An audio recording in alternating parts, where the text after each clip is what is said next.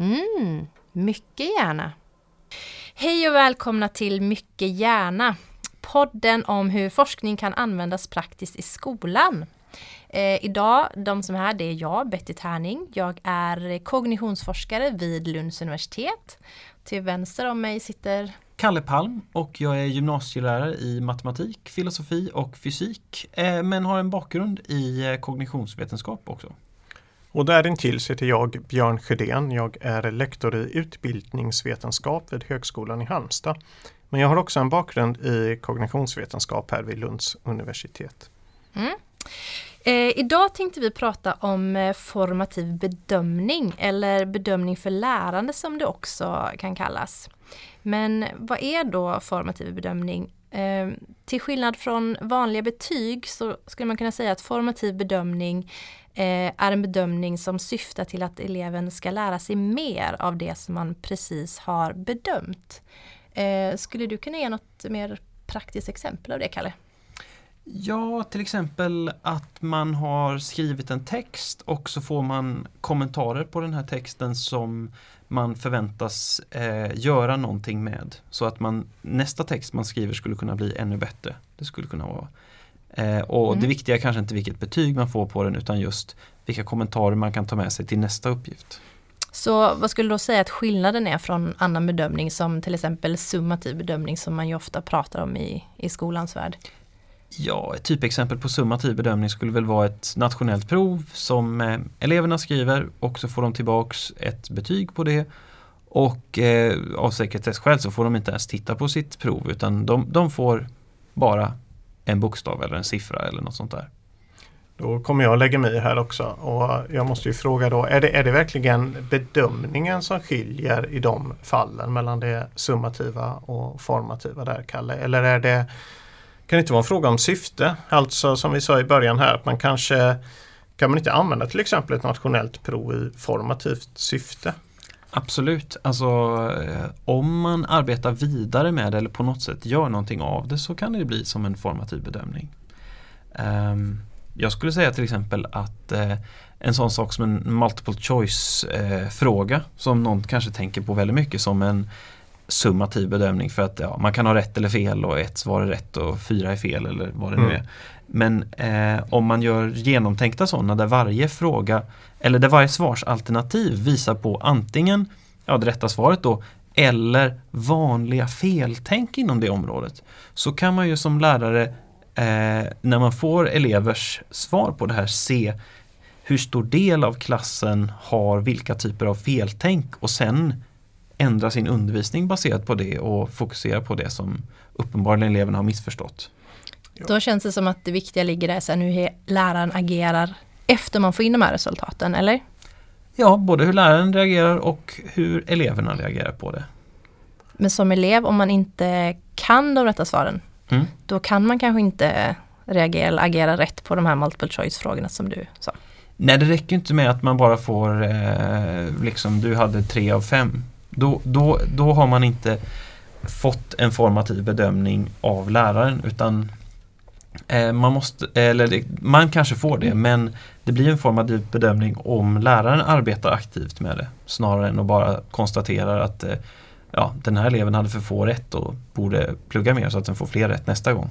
Mm. Jag kommer att tänka på ett annat exempel som kanske kan visa den skillnaden som är mer kanske mer en indirekt koppling till eh, skolans undervisning men ändå, nämligen högskoleprovet för alla studenter eller blivande studenter. Det är väl kanske ett, eh, nästan så här prototypen av ett stort summativt test där man vill se kunskapsläget eh, eh för en viss årskull eller, eh, eller så inför högskole. Ja, och det tjänar ju verkligen sitt syfte. För syftet med det är ju att veta vad kan någon och ingenting mm. Och sen tänker jag att det finns, som kanske en eller annan uppmärksammat, kurser som eh, går ut på att man ska bli bättre på just högskoleprovet. Eh, och där kan man ju, kan man i och för sig göra utan att gå en sån där kurs, för att använda gamla högskoleprov i formativt syfte för att man ska bli bättre på eh, att göra och prestera bättre på de här uppgifterna. Det vill säga man kan använda det stora summativa provet till att forma sig själv. Eh, och då måste jag fråga, behövs en lärare då egentligen? Um, alltså som mitt exempel där är ju ett sånt där att eh, man, man kan kanske inte få eh, om man gör ett gammalt högskoleprov så blir man ju bättre på det bara genom att eh, man blir mer bekant med typen av frågor och typen av alternativ och sådär. Men man kommer ju inte vidare utan att få någon sorts feedback eller Mm, bedömning mm. på det man gjort.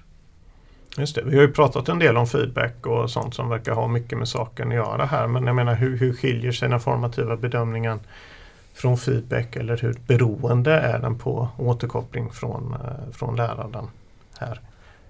Jag skulle säga att den oftast är väldigt, alltså det traditionella eh, exemplet på formativ bedömning är, att, är just att läraren eh, ger eleven kommentarer att arbeta med.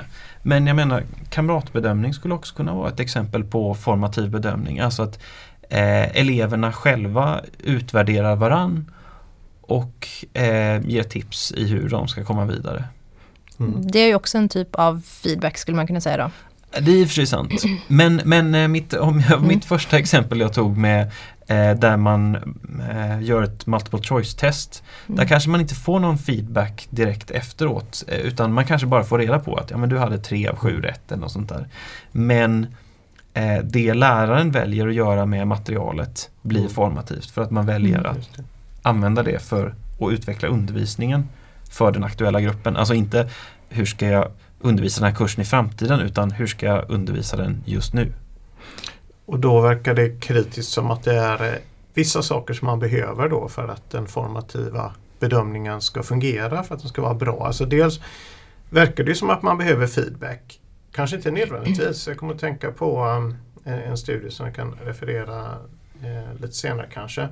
Men eh, också att man då har tillfälle, att man erbjuds tillfälle att göra om en uppgift som överensstämmer med det man har fått feedback på. Också att man eh, lämnar in det här för ytterligare en, en bedömning. Va? Så att man både behöver feedback, man behöver tillfälle att göra om och så behöver man kanske något, något mål också. Jag tänkte fråga där då, eh, som du sa nu Björn, att det är viktigt att man får ju göra om uppgiften. Mm. Men hur viktigt, vet ni det, är det att man får göra liksom typ exakt samma uppgift eller är det liksom, funkar det lika bra om man gör det på en uppgift som har liknande frågor, om man säger så? Det måste ju inte vara precis samma uppgift och det kan ju bli mördande tråkigt också. Alltså, Mm. Jag tänker på till exempel när man skriver en laborationsrapport i något naturvetenskapligt ämne. Eh, där, eh, där brukar jag försöka arbeta formativt på något sätt. Alltså antingen att eleverna gör en kamratbedömning eller att de kanske får lämna in en omgång till mig och en omgång till en svensklärare och sen så eh, tar de bo- Mm. kommentarerna från båda de här två lärarna och lämnar tillbaks igen. Ehm, men eh, sen vill man ju gärna skriva en helt ny från början Mm. eh, om någonting annat. Just det. Men uh, får jag komma tillbaka till eh, eh, frågan om det här vad Ja, liksom vad, hur, viktigt är det att man gör samma uppgift eller med andra ord vad, att man har eh, samma lärandemål och så vidare. Jag, ville, jag nämnde nyss att jag kom att tänka på en studie eh, och den studien handlade om att man undersökt hur elever själva då kan reglera sitt lärande. Man skulle kunna säga att de själva gör den formativa bedömningen istället för läraren. Va? Så de formar sig själva om man ska vara bokstavstrogen. Eh, genom att de får ta del av eh, eh kunskapsmålen för en, en kurs eller en uppgift eller vad det nu är. Eh, och bedömningskriterierna. Och sen tillämpa det här på vad de har gjort. Och ser, jag menar, lever det här upp då till vad kriterierna och målen säger eller gjorde det inte det? Eh, och då skulle de ju i princip kunna göra en helt ny uppgift. Låt oss säga att de har skrivit en uppsats eller någonting. De kan ju byta ämne, de kan ju skriva någonting helt annat och sen omvärdera det i relation till vad de just har gjort. Eh, och då har ju de här studierna visat att om man får ta del av eh, kunskapsmål och bedömningskriterier så förbättrar man sin prestation markant då i förhållande till om man inte har fått göra det. Och då handlar det ju faktiskt mycket då om, om eleven själv och eleven själv bedömer.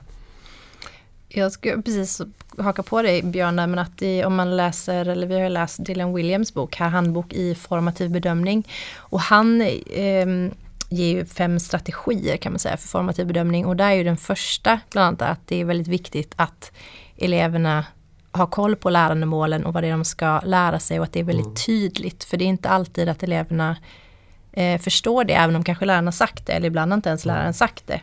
Eh, och att, att det finns en koppling där mellan så de vet vad de ska. Ja, och det där, där tror jag att man kan dribbla bort sig själv ibland. Det med att eh, det är viktigt att eleverna vet vad lärandemålen är. Och då måste man också eh, tänka på att uttrycka dem på ett sätt så att eleverna förstår vad de är. Mm. För något som, eh, något som jag sett, eh, som jag själv blev utsatt för i skolan var att eh, lärare inledde en kurs med att plocka fram Skolverkets eh, liksom, kunskapsmål och eh, kriterier och så vidare. Och så fick man läsa igenom det och det var ju mördande tråkigt Mm. och man förstod ingenting. Mm.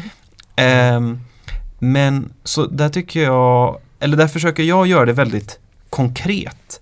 Eh, Att säga precis vad är det vi kommer göra för någonting och eh, som i ehm, ehm, för eh, några, en månad sedan så började jag kursen matematik 2C. Och då sa jag till eleverna att den här kursen handlar om att ni ska kunna lösa tre typer av nya ekvationer som ni inte kunde lösa Mm. innan. Och så visar jag upp dem på tavlan och säger att ni känner igen att det här är ekvationer men ni vet inte hur man löser de här än. Men i Mm. kursens slut så kommer ni, eller så ska ni kunna Mm. lösa de här. Mm. Och så ska vi göra lite annat också. Mm. Men ehm, det blir mycket mer konkret för dem. att så här, Och så kan de ha det i bakhuvudet att ah, det här kommer att komma upp och men det ska jag kunna sen. Just det. Men jag tänker man kanske inte alltid heller behöver börja med typ så här, i dagens lektion ska ni kunna säga de här, de här sakerna på engelska till exempel. För jag läste om att i, till exempel i kemi eller så, då kanske man vill mer skapa en känsla för om man blandar olika vätskor och sånt och så kommer något att hända. Och vad var det som hände? Man kanske faktiskt vill att eleverna ska tänka kring det där och man vill inte ge dem svaret innan. Men då kanske det viktiga är att liksom knyta ihop säcken på slutet och liksom verkligen kolla upp att eleverna fått med sig vad det var de skulle lära sig efter lektionen om man säger så. Ja, överraskning kan ju vara en jättestark eh, motivator. Alltså det här med att eh, visa, eh, visa eleverna eh, någon typ av mm, liksom startförutsättningar. Att det här är vad vi börjar med. Vad tror ni kommer hända? Mm. Och så får de säga vad de tror kommer hända och så visar det sig att någonting annat händer. Mm. Det är ju något som, då får de en aha-upplevelse. Mm. Ehm, det kan man ju använda i alla ämnen.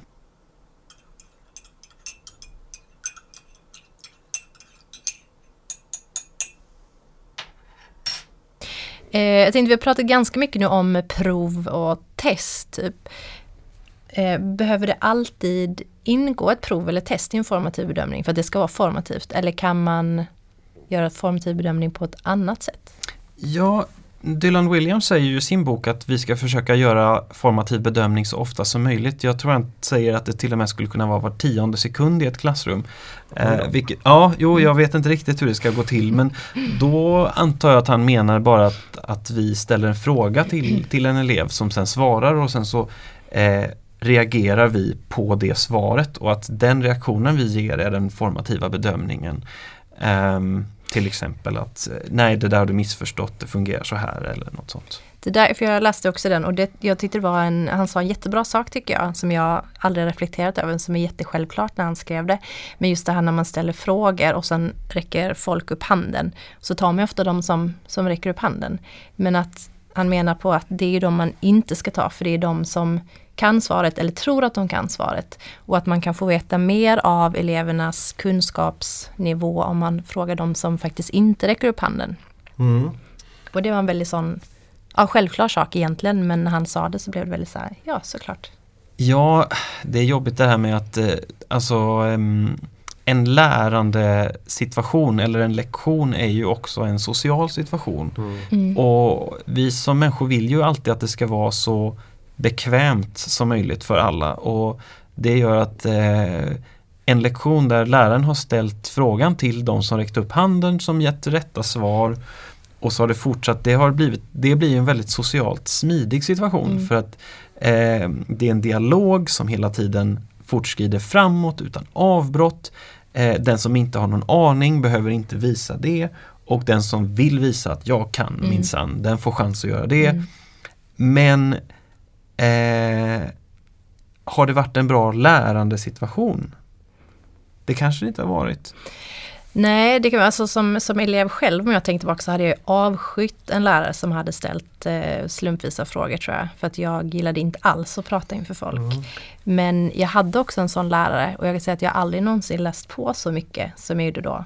Men sen så var det själva sociala tryggheten in i klassrummet var fruktansvärd mm. som du är lite inne på Kalle. Men jag måste säga att jag kunde jättemycket.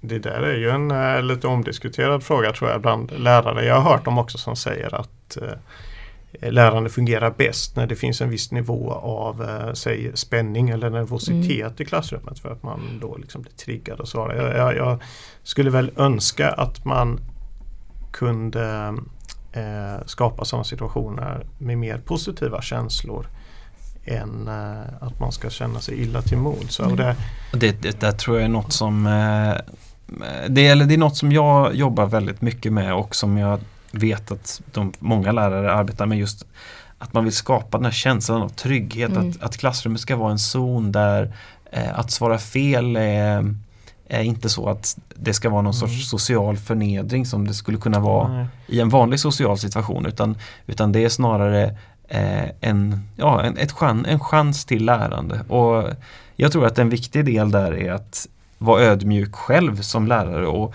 inte släta över sina egna fel utan säga oj nu sa jag fel, det där stämmer inte eller låta sig själv bli rättad och så vidare. Ett exempel på eh, formativ bedömning med digitala verktyg eh, skulle vara, jag läste om eh, att man kan göra ordmoln på nätet på massa olika sätt. Till exempel det som hette Answer Garden. Så att eh, inför ett arbetsområde så får eleverna skriva eh, ord fritt och så bildas ett ordmoln där ord som många elever har skrivit blir större och där få har skrivit blir mindre. Kring ett särskilt ämne då menar Ja, du, typ. precis. Mm. Och då kan man ju mm. få en bild av, aha, vad är den, vad är den gemensamma kunskapsgrunden?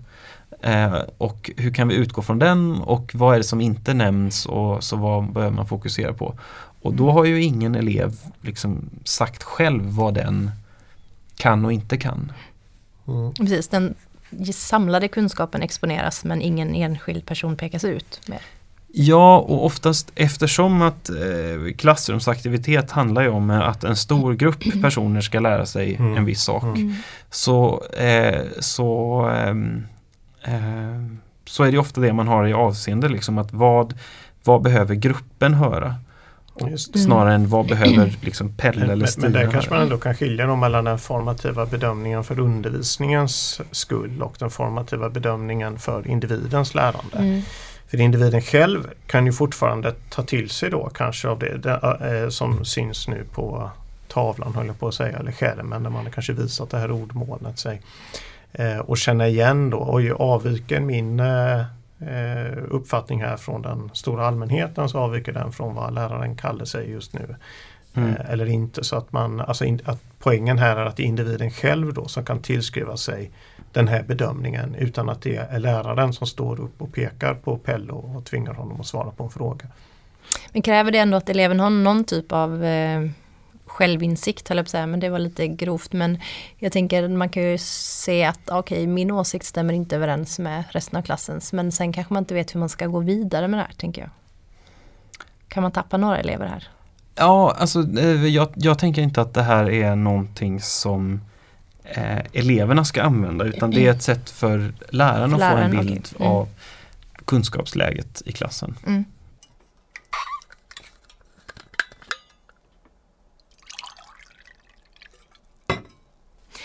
Idag har vi pratat om formativ bedömning som är en bedömning av en elevs eller flera elevers nuvarande kunskap och som syftar till att föra de här elevernas lärande framåt.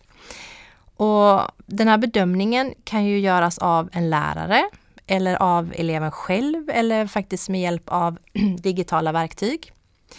Vi har också pratat lite om utmaningar som finns med formativ bedömning. Till exempel så kan ju en elev känna sig utsatt av att bli bedömd. Och det kan också som lärare vara svårt att hinna med att göra formativa bedömningar tillräckligt ofta. Men här kan ju faktiskt digitala verktyg vara till hjälp. Till sist så ställer det också krav på att man konstruerar en väl genomtänkt uppgift som också lämnar utrymme för förbättring och det kan ju då naturligtvis ta ganska mycket tid i anspråk för lärare. Till sist vill vi tacka Lunds universitets samverkansinitiativ Tillsammans över tröskeln till framtidens skola. Vi vill också passa på att tacka Humanistlaboratoriet för inspelningsmöjligheter och sist men inte minst vår producent Trond.